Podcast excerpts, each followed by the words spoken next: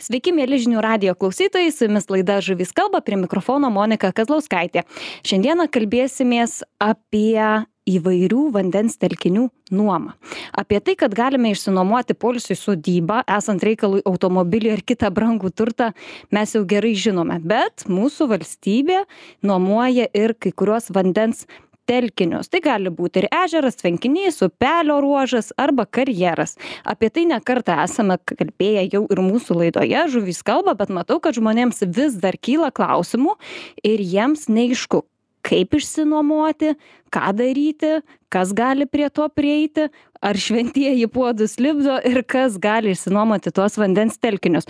Tai šiandieną apie tai ir pasikalbėsime kaip gali vat būtent vandens telkinys tapti ir sportinės ir rekreacinės žūklės traukos tašku šiandien apie tai ir kalbėsiu su laukžemio tvenkinį prižiūrinčios asociacijos klaipėdos rajono žvejai valdybos pirmininku tomu navalinsku labas tomai Labas, Monika, sveiki visi žinių radio klausytojai. Taip, tai Tomai, pradėkim nuo šiek tiek tokių sausų faktų. Laukžemio tvenkinys yra Klaipėdos rajone. Taip pat jis yra visiškai teisūs. 35,5 hektarų dydžio. Jį nuomojatės treti metai, ar ne? Techniškai taip. Taip, tai kodėl apsisprendėt nuomotis būtent šitą tvenkinį? Kokie buvo pagrindiniai motyvai? Na, prieš istoriją tai čia lab- labai spalvota yra daug nesiplečiant, galbūt ir mūsų asociacija ir susikūrė ties to tvenkiniu iš pradžių nuleidimu, nes jisai buvo garsiai pagarsėjęs tom, kad e, vienais metais buvo užtvankos rekonstrukcija ir jį nuleidinėjo. Ir ten buvo tam tikrų kilusių ginčių dėl žuvies išsaugojimo, tai suburta mūsų savanorių komanda, ten maudėmės keturias dienas, gelbėjom tą žuvį.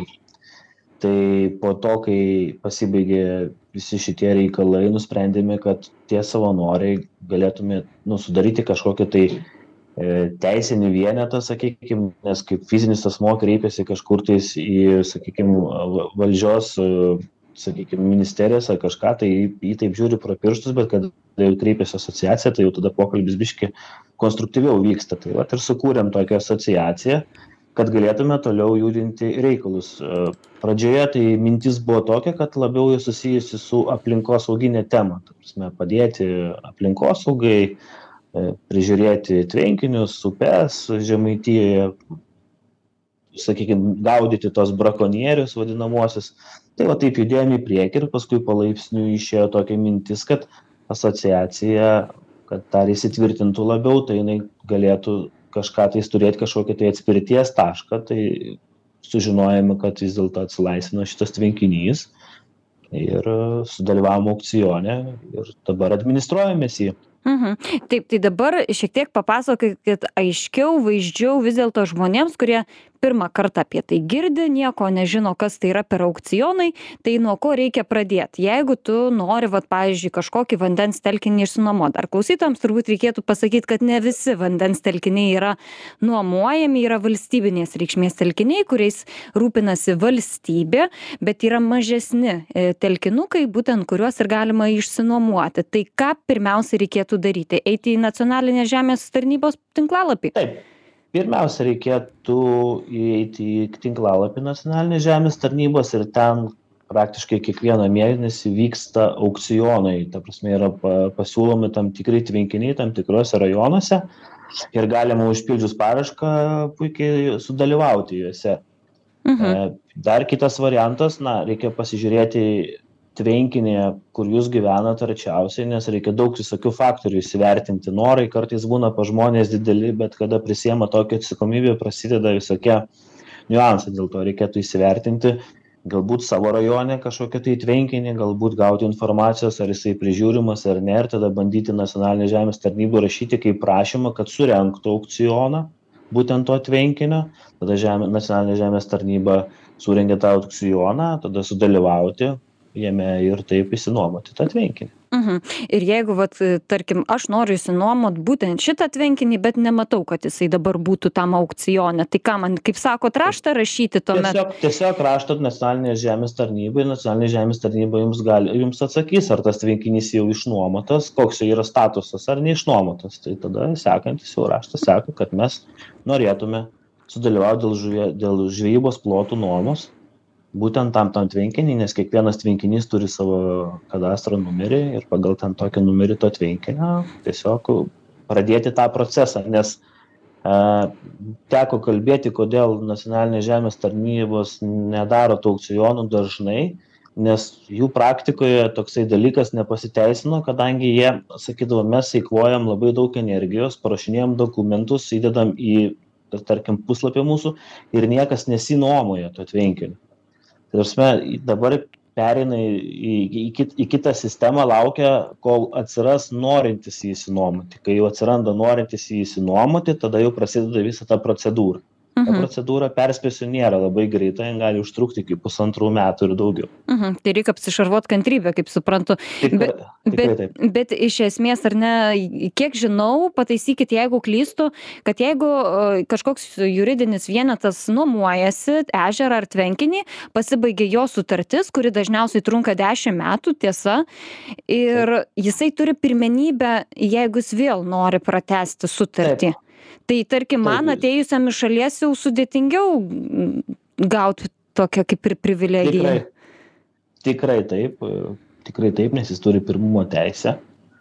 Nežinau, kodėl taip yra padaryta. Iš tikrųjų, tai galvočiau, kad praėjo dešimt metų darom aukcioną, vėl kas siūlo didesnę kainą ir tie tegul ir laimi. Mhm.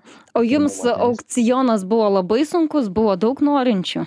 Ar jūs vieninteliai čia pareiškėte? Ah, Šitoje, šitoje sistemoje yra tokie dalykai, sako, kaip čia sako, meilė mėgsta tylą. Tai mes, kai sužinojom, kad dalyvaujam, tai visi tylėjom, kaip žemė pardavė, kad kuo mažiau tų atsirastų konkurentų mūsų. Tai taip gavosi, kad jų nebuvo daug ir sudalyvavom ir mes tą laimėjom konkursą. Mhm. Kiek matau, kad pavyzdžiui, vat ir šiandieną buvau atsidariusi skelbimą, kas yra pateikta aukcionui, tie vandens telkiniai metinės nuomos sutartys, jos iš esmės nu, nėra labai didelės, ten sairuoja kainos nuo keliolikos, keliasdešimt eurų. E, Kiek mačiau jūsų atveju, tai buvo nustatyta 100 eurų 23 centai metams, ar ne? Tai jūs tiek panašiai ir mokat metams, ar ne? taip, jo, bet šiandien nereiktų apsigauti šitoje vietoje, nes šitas pasiūlymas atrodo visai viliojantis, ta prasme, bet niekas nežino, kas laukia toliau nuomininko įsipareigojimui. Tai Taip, reiškias, apie kad- tai būtinai dar kalbėsim. Taip, tai papasakokit, kokie tie įsipareigojimai. Tai žuvinimo planas, kurį nuomotojas privalo įvykdyti kiekvienais metais. Tai jeigu norite, kad tame tvenkinyje įsivyrautų pagavai paleist taisyklę, turi atlikti mokslinius tyrimus. Atvažiuoja mokslininkai, stato tinklus, iš tinklų ištraukia žuvį, aišku, tinklai pažymėti, viskas, pats dalyvavau, žiūrėjau, žodžiu, išrenka mokslininkai žuvis, nustato visą mytybinę bazę, kokia vyrauja žuvis, daugiau plėšrūno, daugiau menkavertės žuvies ir taip sudaro žuvinimo planus dešimčiai metų į priekį. O čia prasideda visas linksmumas. Kada surašomi kiekiai, sakykime, pavyzdys, linų 700 vienetų įvairaus amžiaus, ar ne? Tai met, met, nu, metas, kaip pavyzdys. Tai lino kilogramas šiai dienai yra apie 17 eurų, tai jeigu tu tos visą kiekį sužunti ten yra virš 300 kg, tai viena pozicija gali kainuoti ir 3 ir 4 tūkstančius eurų. Tai mūsų vidurkis kiekvienais metais pagal žuvinimo planą mes visada apie 10 tūkstančių eurų išleidžiame būtent, kad įvykdyti tos planus. Esame turbūt Lietuvoje vieni iš, ir Lietuvoje turbūt vienintelis tvenkinys, kuri tiek daug aplanko žvėjų per mėnesį, tai sezono metu ten gali būti nuo 8 iki 1000 žvėjų padarom. Mhm. Tai žvėjų, žvėjų kiekis yra labai didelis, bet automatiškai ir žuvinimai yra labai ne, nemaži. Tai čia viskas su tom ir susikau. Dėl to šitas visas niuansus reiktų labai gerai pasisverti. Labai Taip. jokingai atrodo kitų tvenkinių, kai pasižiūri, ten dažnai būna medžiotojų žvėjų draugijų, kur N metų tenais pasižiūri žuvinimo planus, tai ten į metus šimtą lydekų, ten šių mečių, šių mečių šimtą lydekų. Mhm. Šių metės, šim, šių metės šimtas lydekų, tai ten pinigais gal 70 eurų Mhm. kaip pavyzdys mažykės. Tai čia labai skirtingi dalykai. Yra skirtingas tvenkinys, skirtingi žuvinimo planai, skirtingos žuvis skirtingos kainos. Mhm, bet kodėl, tarkim, vienam telkiniui, vat, kaip jūs sako, šimtas lydeko ar ten kažkiek, o vat jum čia jau gaunasi, kiek žiūrėjau, buvo irgi nurodyta, kad jum ir, ir karpius reikėjo įžuvinti, bent jau NŽT pateiktoj formoj, paskui linai arba auksiniai karosai. Tai čia nais pats pirminis šitas žuvinimas e, buvo, kada jau mm, tvenk sutvarkė sakykime užtvanką turėjo ta įmonė kuri tvarkė užtvanką turėjo įžuvint nes kadangi išleido. Bet kada mes kai atėjom nuomininkai tai jie traktavo kad mūsų tvenkinys na vadinkim tuščias yra.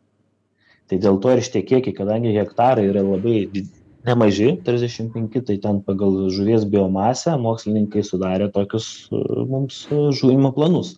Mhm. įsipareigojimai iš tikrųjų labai dideli šie šiais metais mes jau paskaičiavom maždaug esam per tuos tris metus įžuvinę maždaug už trisdešim tūkstančių eurų Mhm.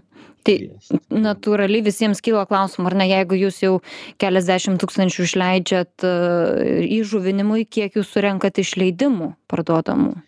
Tai va, čia, tai va čia ir yra visas reikalas. Dirbame tikrai labai nežmoniškai sunkų darbą tam, kad administruoti tą tvenkinį, kadangi e, mėgstam tėvynę mylėti darbais, o ne pažadais.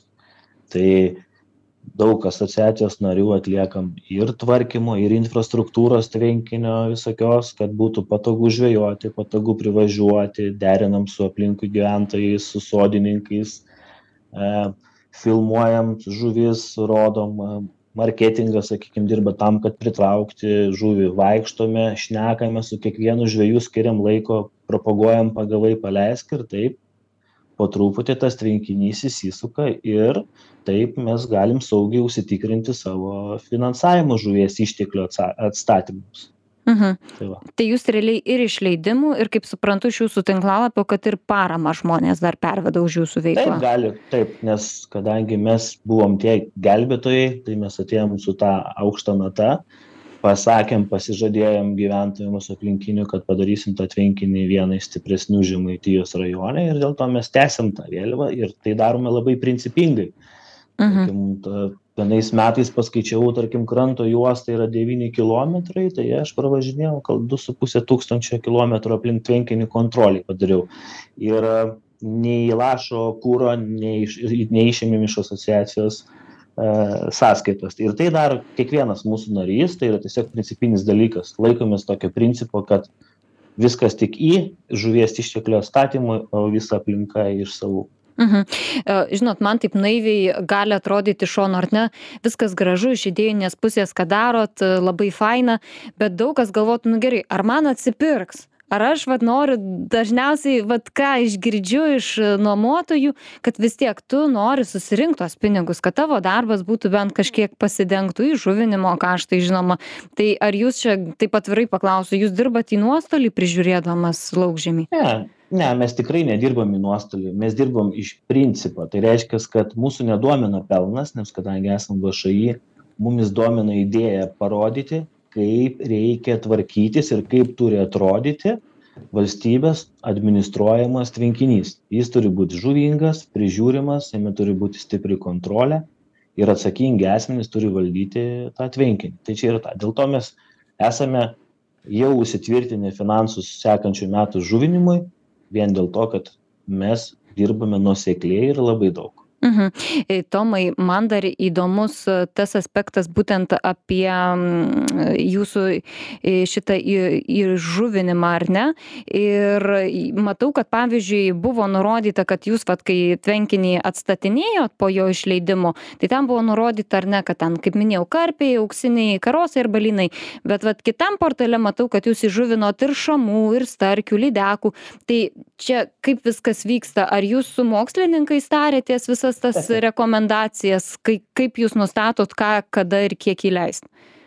Taip, taip, pradinis, e, pradinis tai buvo, kaip ir minėjau, įmonė, kuri uždarinėjo užtvanką žuvinimas padarytas toksai minimalus, o kiti jau sekė būtent po mokslinių tyrimų. Tai mokslininkai nustatė rūšis šiai dienai, mes privalome įžuvinti penkias žuvies rūšis.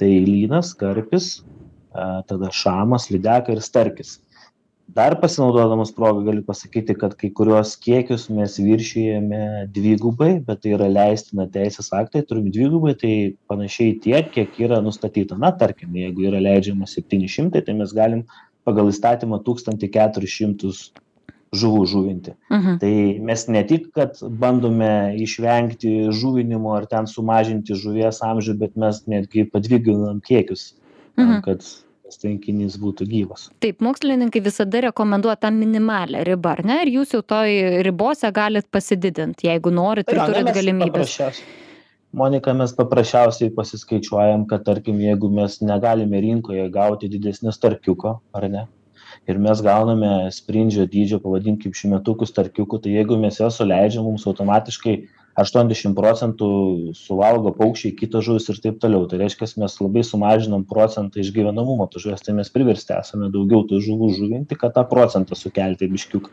Mhm. Ir šiaip labai atsižvelgiam į tai. Taip, Tomai, papasakokit apie žvejybos leidimų kainas. Ar jūs patys galit nusistatyti, kiek jūs imsit už paros žvejybą ar už metinį leidimą, ar čia jau ir valstybė reguliuoja? Mes, mes valstybė reguliuoja, iš tikrųjų mes turime lubas 14 eurų, yra licenzija vadinamoji, jų ten yra išduodama ar 500 per metus per alį sistemą ir yra mūsų puslapiai, kur yra pagavai paleisk, kad šiai dienai kainuoja 8, 8 eurai 10 viena para žūklės vienam žmogui. Galima su sektorių rezervacija, esam suformavę tokius sektorius, a, tose sektorius turėjus numerius ir pagal mūsų programėlę arba, sakykime, puslapį galima rezervuoti tą sektorių, jeigu nori iš toliau atvažiuoti, tai tu žinosi, kad tavo žvejybos vieta nėra užimta. Tiesiog atvažiuosi, galėsi ramiai įsitaisyti ir žvejoti.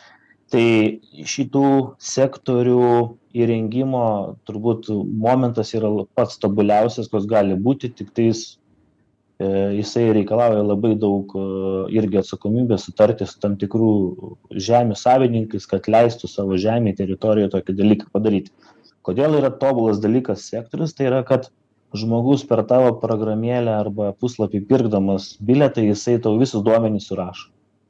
Tai jeigu kas nors atsitiktų, ar ten kažkas paliktų šiukšlius, ar ką nors padarytų, ar ten uždegtų mišką, ar ką, mes visą kontrolę mes turime ant delno, visi kas buvo, žmonės, kas dalyvavo žvejybai. Mhm. Tai mes su, su tokia sistema maksimaliai išvengiam šiukšlinimo aplink tvenkinį. Pas mus aplink tvenkinį yra tik tais dviejose vietose, kur savivaldybė administruoja pležą, šiukšlinės. Mus žvėjai šiukšlės įsiveža patys. Mhm. Jūs įsivedėt pagavai paleis principą, ar ne? Dėl to Taip. turėjot ir mokslinius tyrimus atlikti. Taip. A, Ne visiems žvėjams priimtinas dar šitas principas, populiarėja, bet dar tikrai turi kai kurių žmonių a, gal mąstyseno įvykti kažkoks lūžis. Kaip buvo kovojama su vietiniais, nes žmonės turbūt buvo įpratę ten žvejoti, kai buvo visiems prieinama, o dabar ir limituota žuklė atsirado. Tai kaip jum pavyko tvarkytis? Buvo visko. Buvo visko, buvo ir nepatenkintų, ir šiai dienai yra nepatenkintų. Bet buvo ir tokių, kurie buvo nepatenkinti, o dabar labai patenkinti. Dabar tapšnoja per petį ir sako, wow, mes netikėjom, kad taip gali būti. Tai esmė yra tokia, kad visą laiką žmonėms sakau, kad žmonės, kurie ten žvejoja, turi išmokti, aplamai žvėjai turi išmokti atsirinkti tvenkinius, kurie yra skirti pagauk suvalgyk ir kurie yra skirti pagavai paleisk. Žinoma, žmogus pats žvėjys turi sugebėti atsirinkti. Tai mano galvai iš ežerų, iš tvenkinių, kur yra uždaros, sakykime, vandens sistemos, nereikėtų jokių būdų jokios žuvies valgyti, o žuvį rekomenduočiau valgyti ten, kur žuvis pramigruoja. Gali iš jūros pasipildyti, iš kitų nemono žiočių, sakykime, iš mario ateiti ir taip toliau. Tai va tokia yra pagrindinė taisyklė ir bandom tai žvėjam paaiškinti, kad šitas tvenkinys jisai nėra mėsai, jisai skirtas pramogai. Mhm. Važiuoti, pagauti žuvies, galbūt netgi savo svajonių žuvį ir įsiamžinti ir taip emociškai praleisti savaitgalį. Mhm. Pas jūs metinis žvejybos leidimas kainuoja 100 eurų, jei neklystu, ar ne? Taip, taip. Dabar šiandieną tas mūsų žvejybos leidimas, kur galima žvejoti neišnuomuotose valstybiniuose telkiniuose, kainuoja 14 eurų, planuojama lyg ir kelti iki 30 eurų. Tai pykčio nesulaukiat kad kaina žinot jau kelis kartus skyrėsi nuo tų valstybinių vandens telkinių žmonės sutinka vis dažniau mokėti daugiau už tai kad jie pasigautų žuvies ir paleistų. Nu, tiksliau tariant už emocijas moka geras. Taip jo iš tikrųjų praeitais metais buvo dar penki eurai šešiasdešim pas mumis kaina bet kadangi įžuvinimo ūkiuose žuvis pabrango drastiškai iš tikrųjų labai daug ten trisdešim procentų ir daugiau plius infliacija tai mes nusprendėm bilieto kainą pritraukti būtent prie šito dalyko, kad nenukentėtų žuvinimas. Ir pamatėm tokią tendenciją, kad žvėjų nemažėja, tai reiškia, kad viskas yra gerai. Tai nereiškia, kad mes turime nu, naudotis tom. Tiesiog mes prisitraukėme prie infliacijos ir prie žuvies pabrangimo kaštų. Mhm taip tai čia turim padaryti trumpą pertrauką dar būtinai temą pratęsime pasikalbėsim kaip sekasi klaipėdiečiams tvarkytis su brakonieriais kurių manau ten pas jus irgi netrūksta turim išsiskirti niekur nepabėkit likit su žinių radiju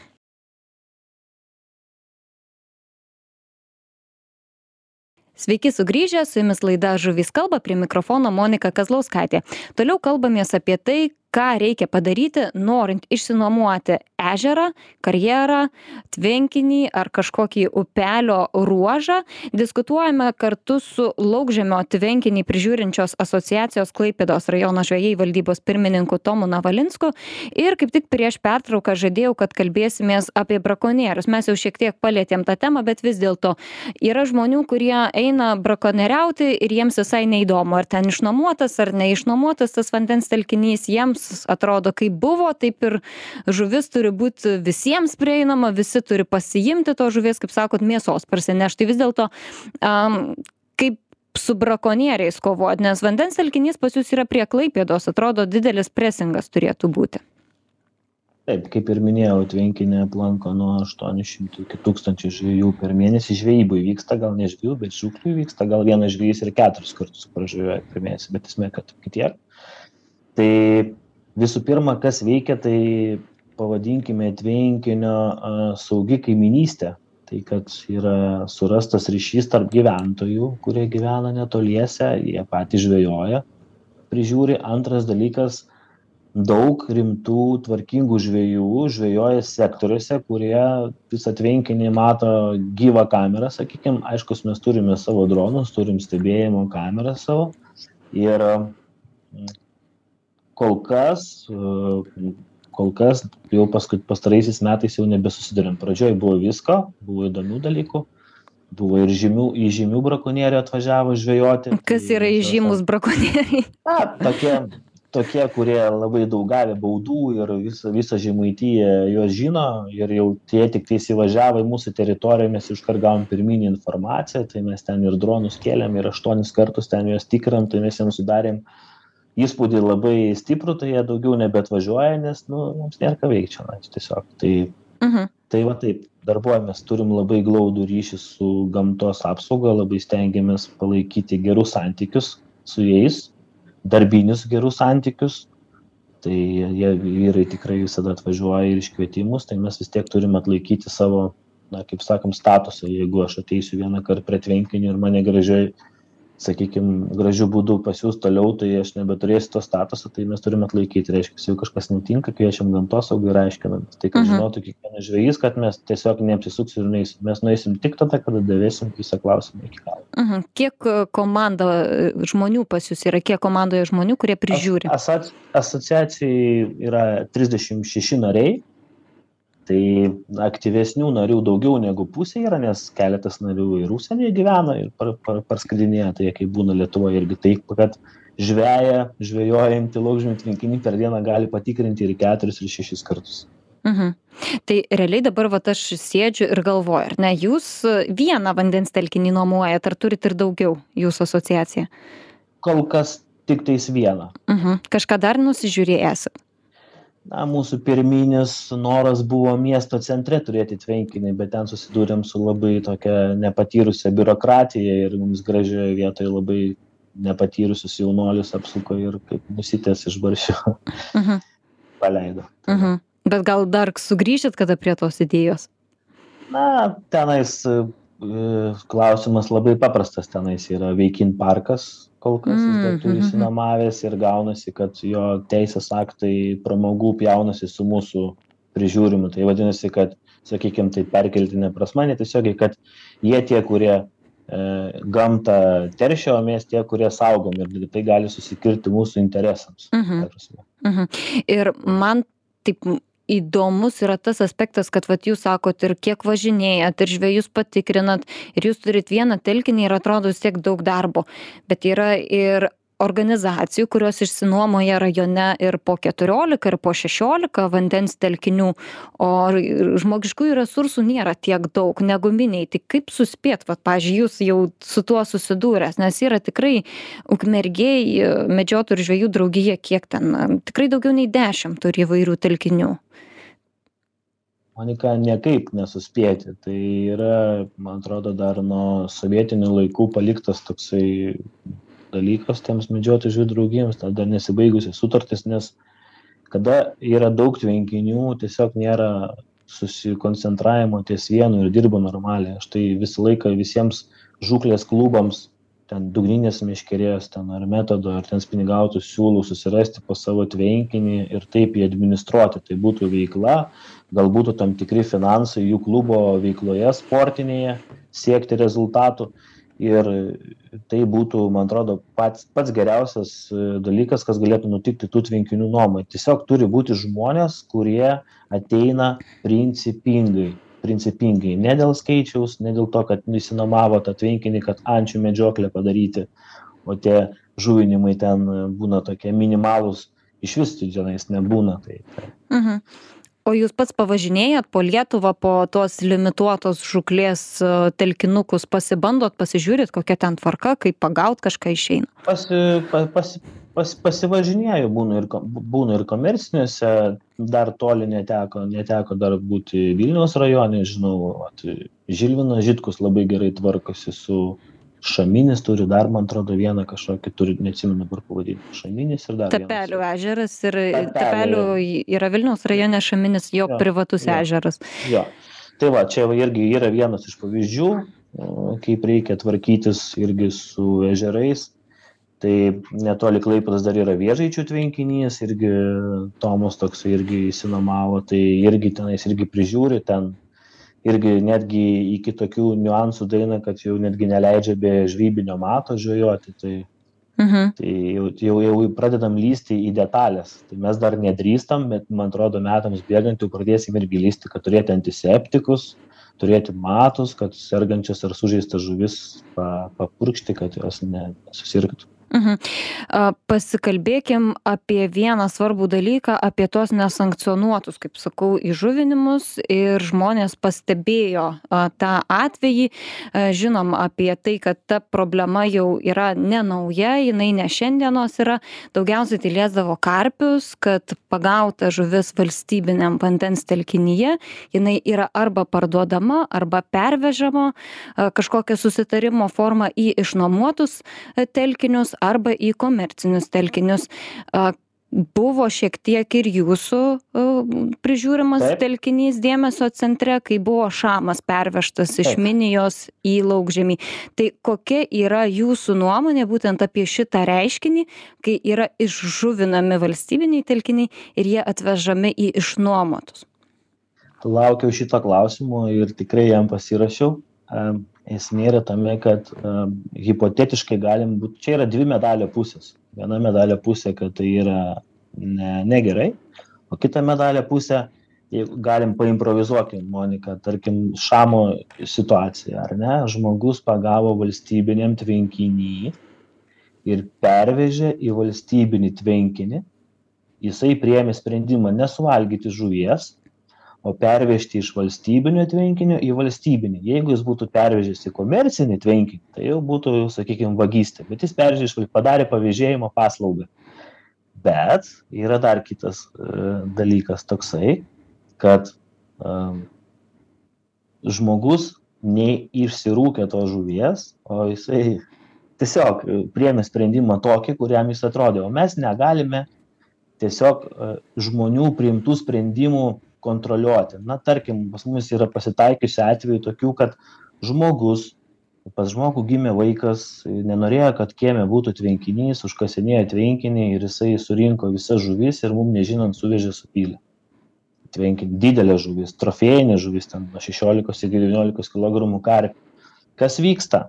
Ateina žvejoti žvejai pagauna devyniolikos ar ten aštuoniolikos na tokio nepagavo bet pagauna šešiolikos ten ar penkiolikos kilogramų sazaną ir sako sako jūsų tvenkiny yra vogtos žuvys na mes negalim kontroliuoti kas sugalvojo ir aš bandžiau išeiti ant to žmogaus kuris tai padarė sako aš nenoriu nei pristatinėk aš priėmiau tokį sprendimą.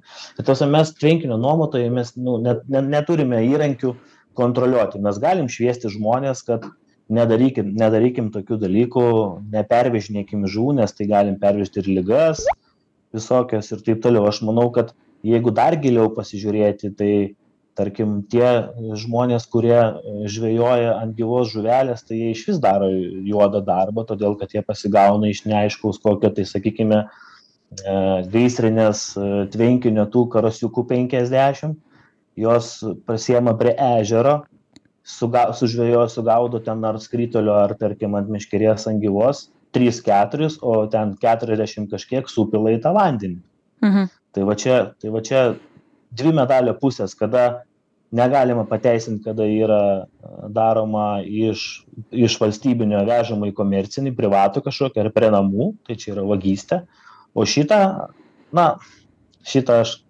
kaip iš valstybinio valstybinį jisai liko valstybėje tiktais galbūt su šansais ilgiau pagyventi.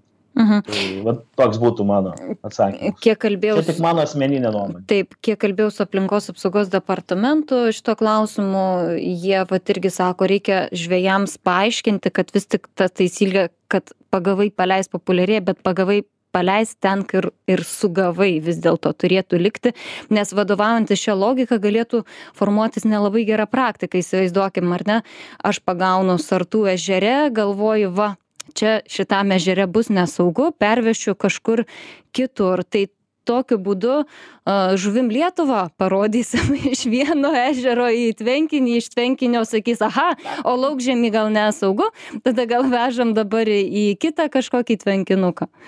Ta tiesiog aš manau kad šitas e, momentas išsivystė dėl to kad kai kurie žvejai galbūt kai kuriuose tvenkiniuose jau pasigenda žuvies ir tai bando jie kompensuoti ir taip nejučia nejučia tas dalykas toksai įgauna tą tokį sakykime juodąją pusę Mhm. aš irgi pasinaudodamas proga irgi sakysim na nevežkite iš kitų tvenkinių žuvų kadangi su kitom žuvim galit užvesti ligų ir problemų gali būti dar daugiau paskui negu buvo iki to tai Mhm. labai reiktų apie tai pamąstyti ypač Mhm. su karpinėm žuvim o dar vienas momentas pasinaudojant proga jeigu ten klausia kad buvo tokių klausimų kad tenais irgi apie kalbėkim apie tas vogtas e, žuvis ar ne apie karpius didelius ar dar kažką šiaip tai jeigu paskaičiavus kaštus laukiniam tvenkiny kiek reikia sušerti boilį ir kiek parų prabūti tam laukiniam karpiui sugauti tai geriau tada žuvininkystės ūkį tokį pat užaugintą nusipirkti ir tai greičiau ir naudingiau Mhm. tai kad bus žuvis sveika Tai Tomai, kaip suprantu iš jūsų, kad visi tie įžuvinimai, vat, kur ir jūs minėjot, kad žmogus nusileido savo kūdrą ir atvežė jums žuvį, lygiai taip pat su šamu, kad tai su jumis nebuvo derinta.